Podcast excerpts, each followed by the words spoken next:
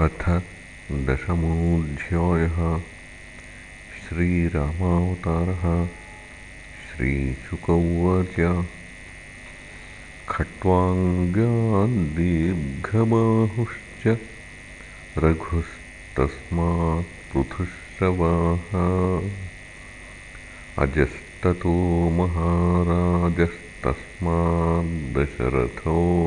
भवतु तस्यापि भगवानीश साक्षाद्ब्रह्ममयो हरिः। अंशांशेन चतुर्थागातु पुत्रत्वं प्रार्थितः सुरैः रामलक्ष्मणभरतशत्रुघ्ना इति संज्ञया तस्यानुचरितं राजन् ऋषिभिस्तत्त्वदर्शिभिः श्रुतं हि वर्णितं भूरि त्वया सीतापतेर्मुहुः। गुर्वर्थे त्यक्तराज्यो व्यचरदनुवनं पद्मपद्भ्यां प्रियायाः पाणिस्पर्शाक्षमाभ्यां मृजितपथरुजो यो हरीन्द्रानुजाभ्याम्। वैरूप्यात् शूर्पणख्याः प्रियविरहरुषारोपितभ्रूविजृम्भत्रस्ताब्धिः बद्धसेतुः खलदवदहनः कोसलेन्द्रोऽवतान्नः विश्वामित्राध्वरेयेन मारीचाद्यानिशाचराः। पश्यतो लक्ष्मणस्यैव हता नैरृतपुङ्गवाः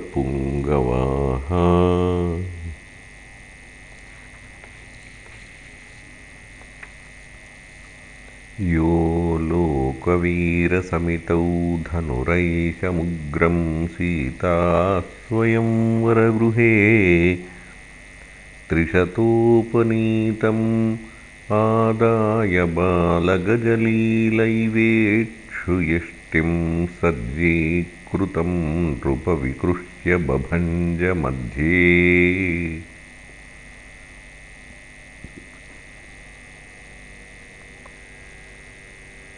जित्वानुरूपगुणशीलवयोऽङ्गरूपाम् सीताभिधां श्रियमुरस्यभिलब्धमानाम् मार्गे व्रजन् भृगुपतेर्व्यनयत्प्ररूढम्। दर्पं महीमकृतयस्त्रिरराजबीजाम्।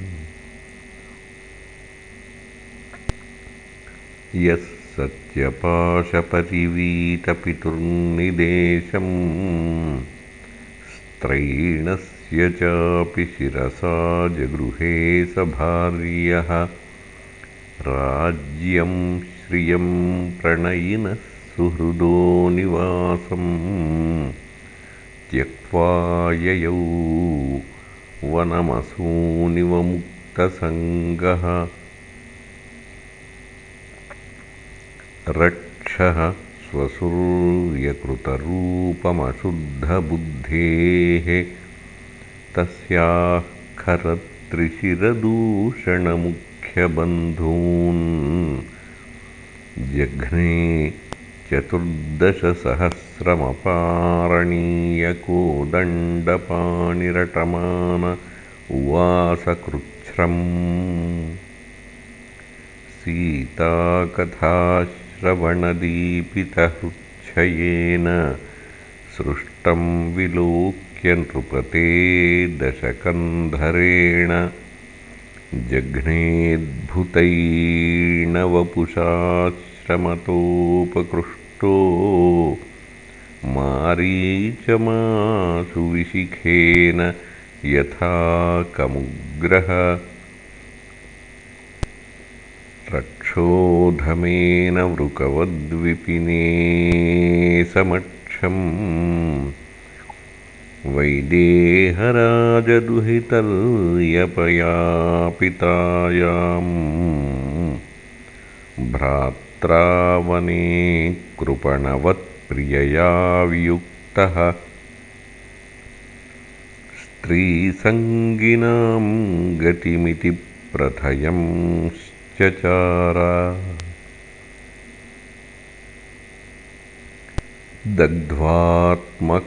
दग्ध्वात्मकृत्यहतकृत्यमहङ्कबन्धम् सख्यं विधायकपिभिर्दयिता गतिं तैः। बुद्ध्वाथवालिनिहते प्लवगेन्द्रसैन्यैः। वेलामगात् समनुजोजभवाच्चिताङ्घ्रिः यद्रोषविभ्रमविवृत् कटाक्षपातसम्भ्रान्तनक्रमकरो भयगीर्णघोषः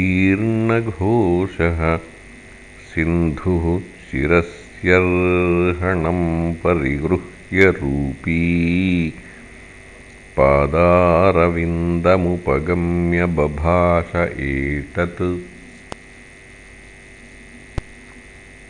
न त्वां वयं जडधियो नु विदामभूमन् कूटस्थमादिपुरुषं जगतामधीशम् यत्सत्त्वतः सुरगणा रजसः प्रजेशाः। मन्योश्च भूतपतयः स भवान् गुणेशः कामं प्रयाहि जहि विश्रवसोऽवमेऽहं त्रैलोक्यरावणमवाप्नुहि वीरपत्नीम्। बध्नीः सेतुमिह ते यशसो वितत्यै गायन्ति दिग्विजयिनो यमुपेत्यभूपाः बद्धो रघुपतिर्विविधाद्रिकूटैः सेतुं कपीन्द्रकरकम्पितभूरुहाङ्गैः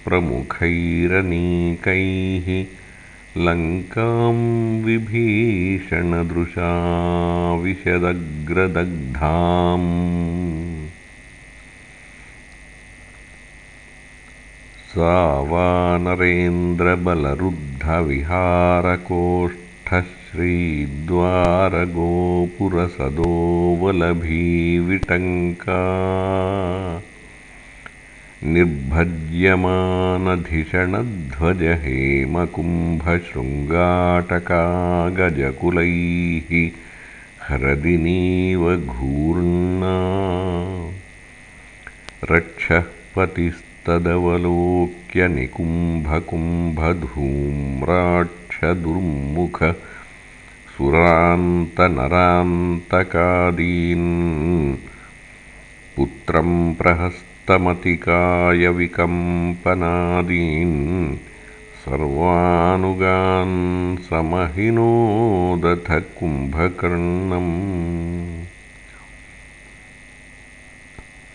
तां यातु धानपृतनामशिशूलचापप्रासर्ष्टिशक्तिशरतोमरखड्गदुर्गाम्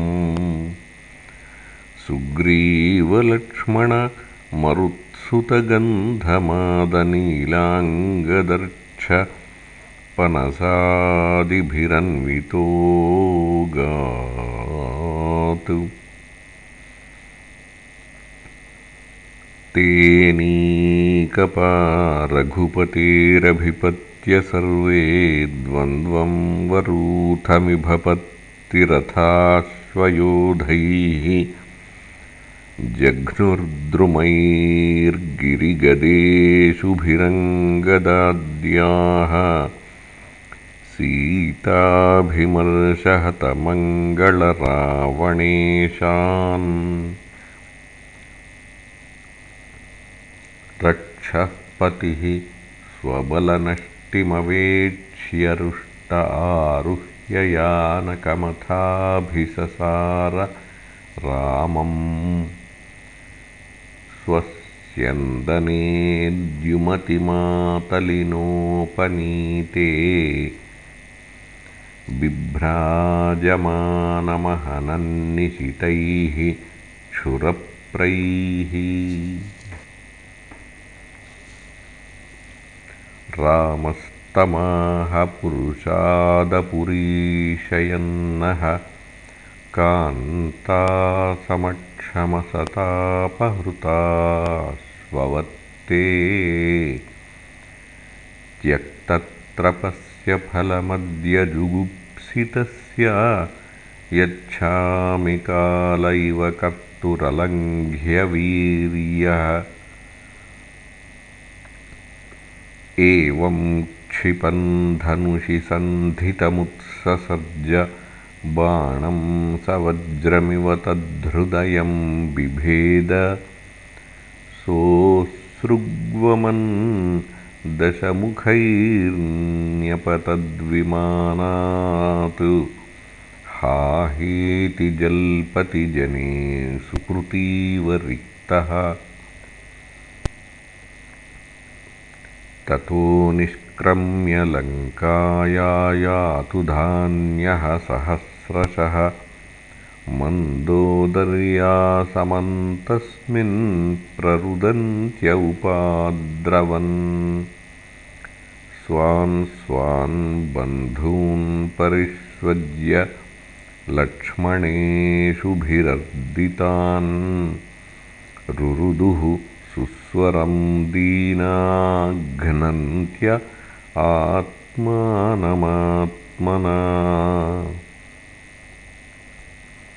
हा हताः स्म वयं नाथ लोकरावणरावण। कं यायाच्छरणं लङ्का त्वद्विहाना परार्दिता। नैवं वेदमहाभागभवान् कामवशं गतः तेजोऽनुभावं सीताया। येन नीतो दशामि माम्। कृतैषा विधवा लङ्का वयं च कुलनन्दन। देहः कृतोन्नं गृध्राणामात्मा नरकहेतवे।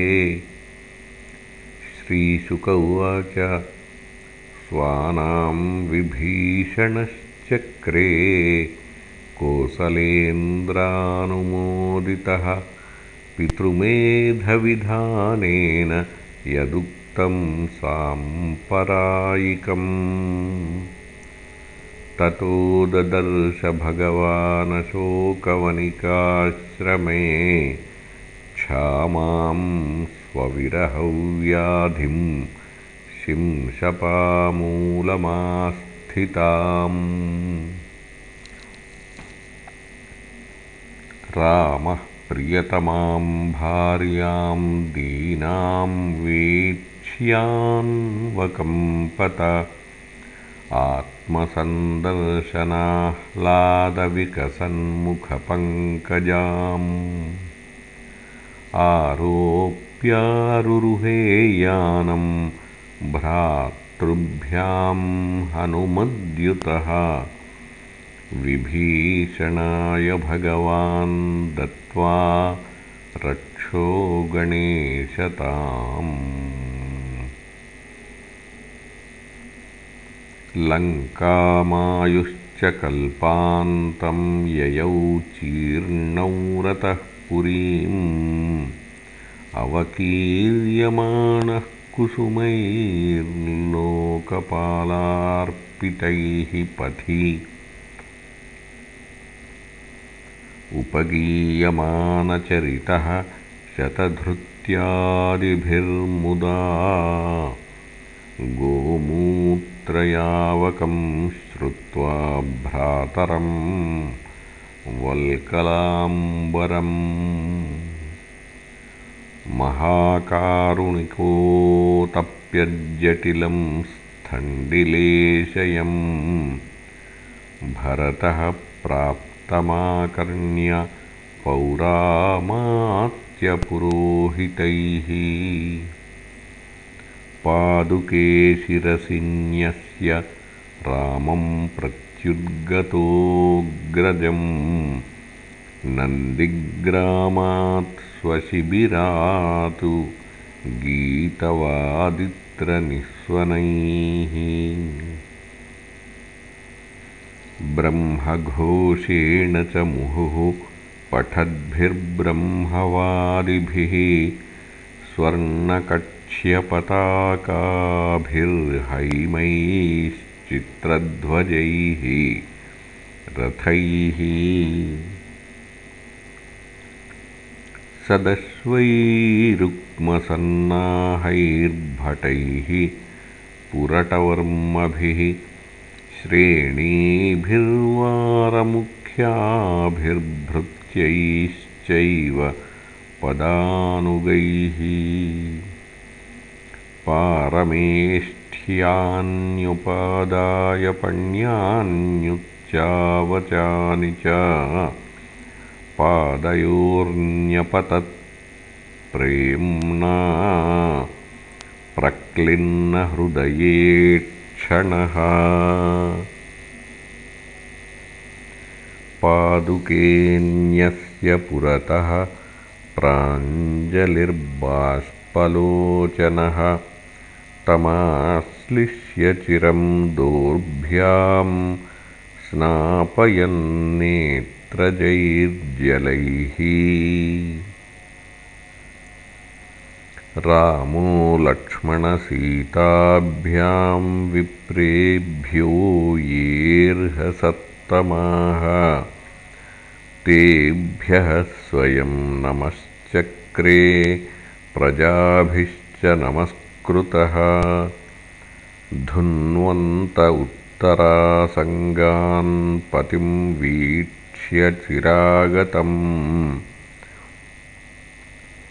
उत्तराः कोसलामाल्यैः किरन्तो न ऋतुर्मुदा पादुके भरतो गृह्णाच्चामरव्यजनोत्तमे विभीषणः स सुग्रीवः श्वेतच्छत्रं मरुत्सुतः।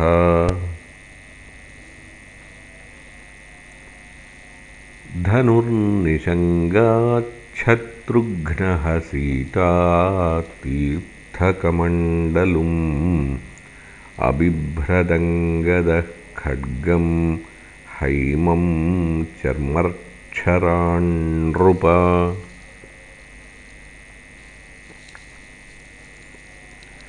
पुष्पकस्थोऽन्वितः स्त्रीभिः स्तूयमानश्च वन्दिभिः विरेजे भगवान् राजन् ग्रहैश्चन्द्रयोदितः।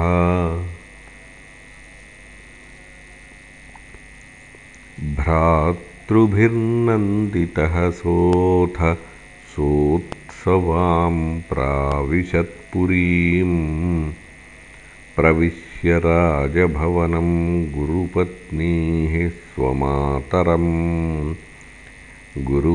वयस्यावरजान् पूजितः प्रत्यपूजयतु। वैदेही लक्ष्मणश्चैव यथावत्समुपेयतुः पुत्रान् स्वमातरस्तास्तु प्राणांस्तन्वैवोत्थिताः आरोप्याङ्केऽभिषिञ्चन्त्यो बाष्पौघैर्विजहुः शुचः। जटानिर्मुच्य विधिवत् जटानिर्मुच्यविधिवत्कुलवृद्धैः समं गुरुः। अभ्यषिञ्चद्यथैवेन्द्रं चतुःसिन्धुजलादिभिः। एवं कृतशिरस्नानः सुवासाः स्रग्व्यलङ्कृतः स्वलङ्कृतैः सुवासोभिर्भ्रातृभिर्भार्यया बभौ अग्रहेदासनं भ्रात्रा प्रणिपत्यप्रसादितः। प्रजाः स्वधर्मनिरतावर्णाश्रमगुणान्विताः। जुगोपपितृवद्रामो मेनिरे पितरं च तं।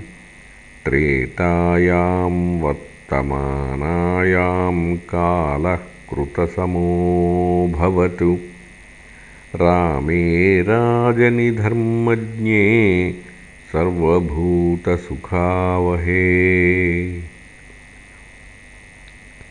वनानि नद्यो गिरयो वर्षाणि द्वीपसिन्धवः।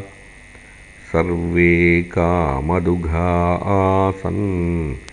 प्रजानां भरतर्षभा नाधिव्याधिजराग्लानि दुःखशोकभयक्लमाः मृत्युश्चानिच्छतां नासीद्रामे राजन्यधोक्षजे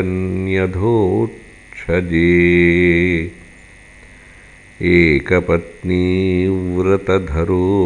राजर्षिचरितः शुचिः स्वधर्मं गृहमेधीयम् शिक्षयन् स्वयमाचरतु। प्रेम्णानुवृत्त्याशीलेन प्रश्रयावनता सती। भिया ह्रिया च भावज्ञा। भर्तुः सीताहरन्मनः इति श्रीमद्भागवते महापुराणे पारमहंस्यां संहितायां नवमस्कन्धे दशमोऽध्यायः